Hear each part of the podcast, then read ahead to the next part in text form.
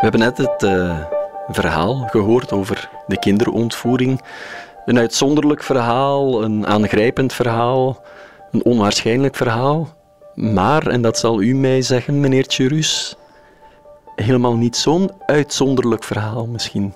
Nee, helaas niet. Want om u maar een getal te geven, in Nederland zijn in het jaar 200, 2015 237 kinderen ontvoerd naar Nederland of vanuit Nederland. En als we daarbij optellen 300 dreigingen die gelukkig niet hebben plaatsgevonden, ja, dan hebben we toch over een groot aantal kinderen wat, wat de dupe wordt van nou ja, kinderontvoering. Dus het is een ontzettend onderschat probleem.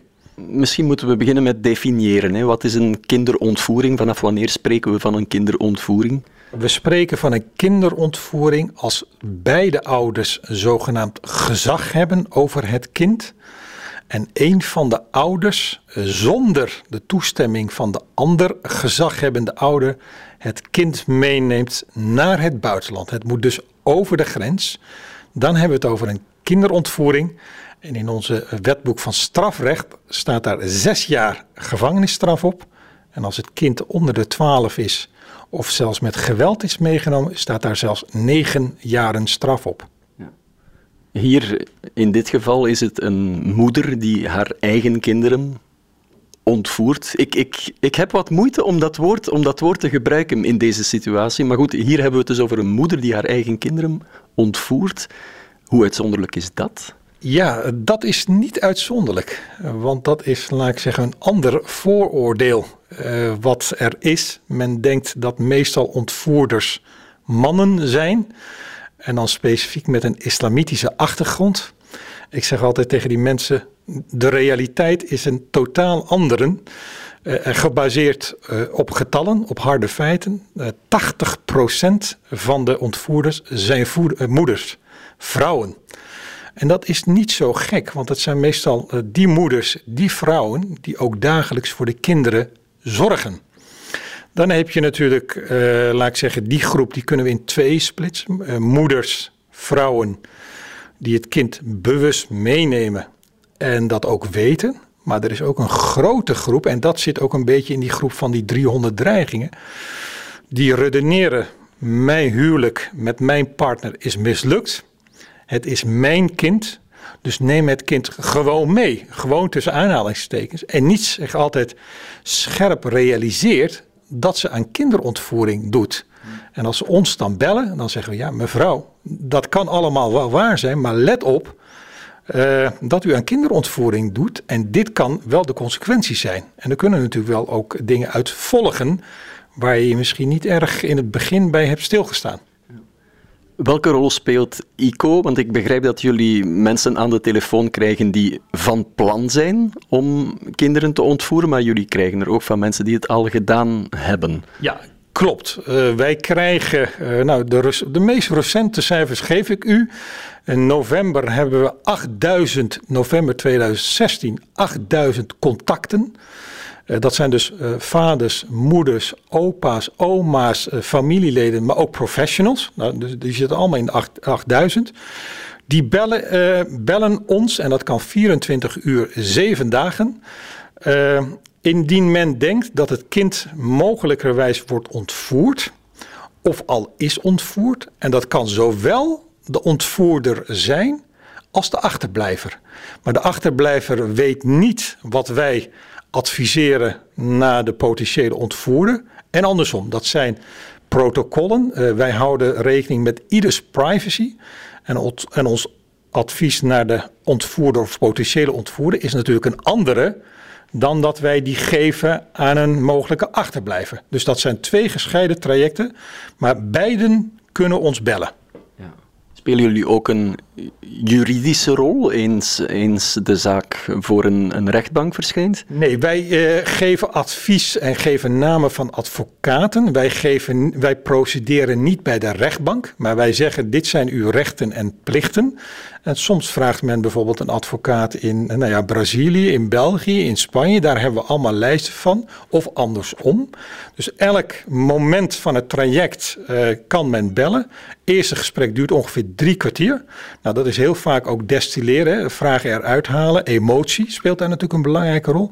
Kijken wat voor positie degene heeft die belt. Heb je überhaupt gezag? Zo niet, dan krijg je natuurlijk een ander advies.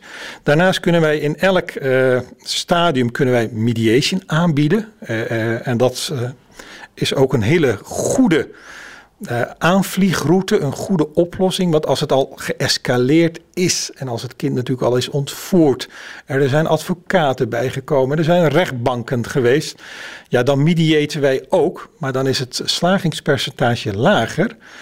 En wij hebben echt uh, het geloof dat alles wat je kunt voorkomen, want een kind wordt zelden zomaar ontvoerd. Het rommelt al in zo'n internationale huwelijk. Dus als we er dan bij kunnen zijn, dan kunnen we ook bijvoorbeeld goede advies geven en die mediation organiseren.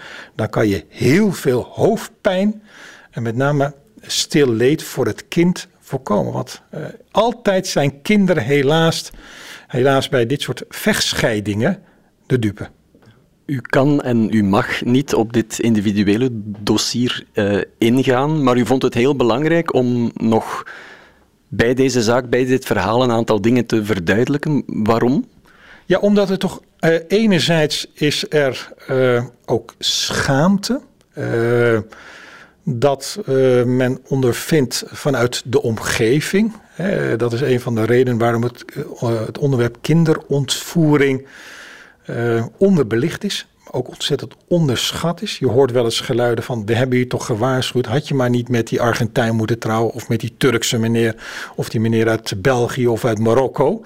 Uh, nou, dat hoor je natuurlijk niet graag op dat moment dat je kind is ontvoerd. Hè? Uh, en ten tweede, het probleem is ook letterlijk over de grens. Het is ook weg. Het is stil leed wat weg is. En dat is een tweede reden waarom uh, dit, dit belangrijk onderwerp zo onderbelicht is en on, nou onderschat is in de Nederlandse maatschappij. het is ook onze taak om de Nederlandse samenleving voor te lichten.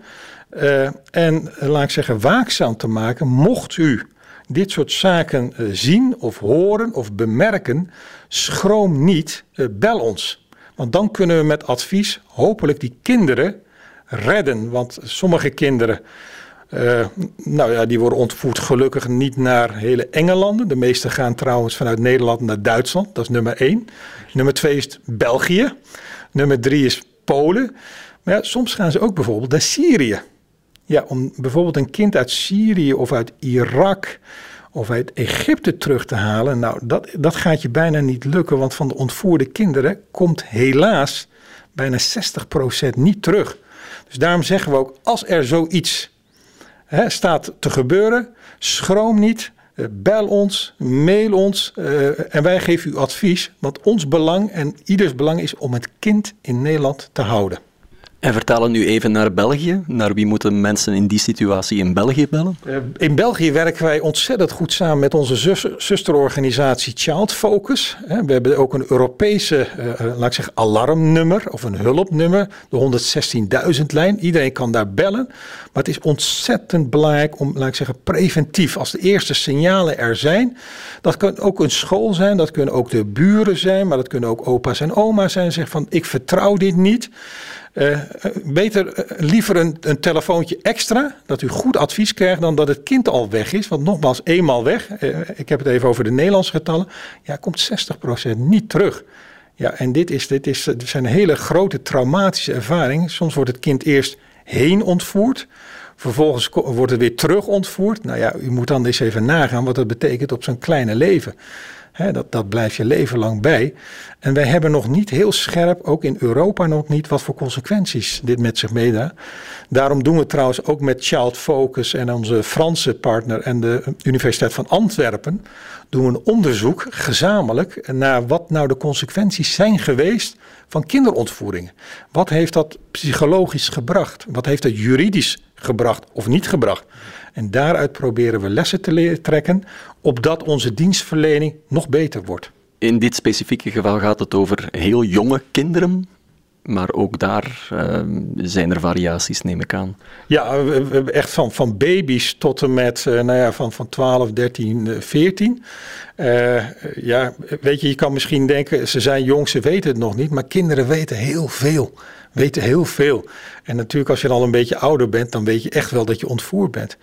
En dat blijft natuurlijk ook als het, uh, laat ik zeggen, op internet uh, terechtkomt. Dat blijft je leven bij. Dus het is een stille trauma. En kinderen kunnen zichzelf natuurlijk niet verdedigen.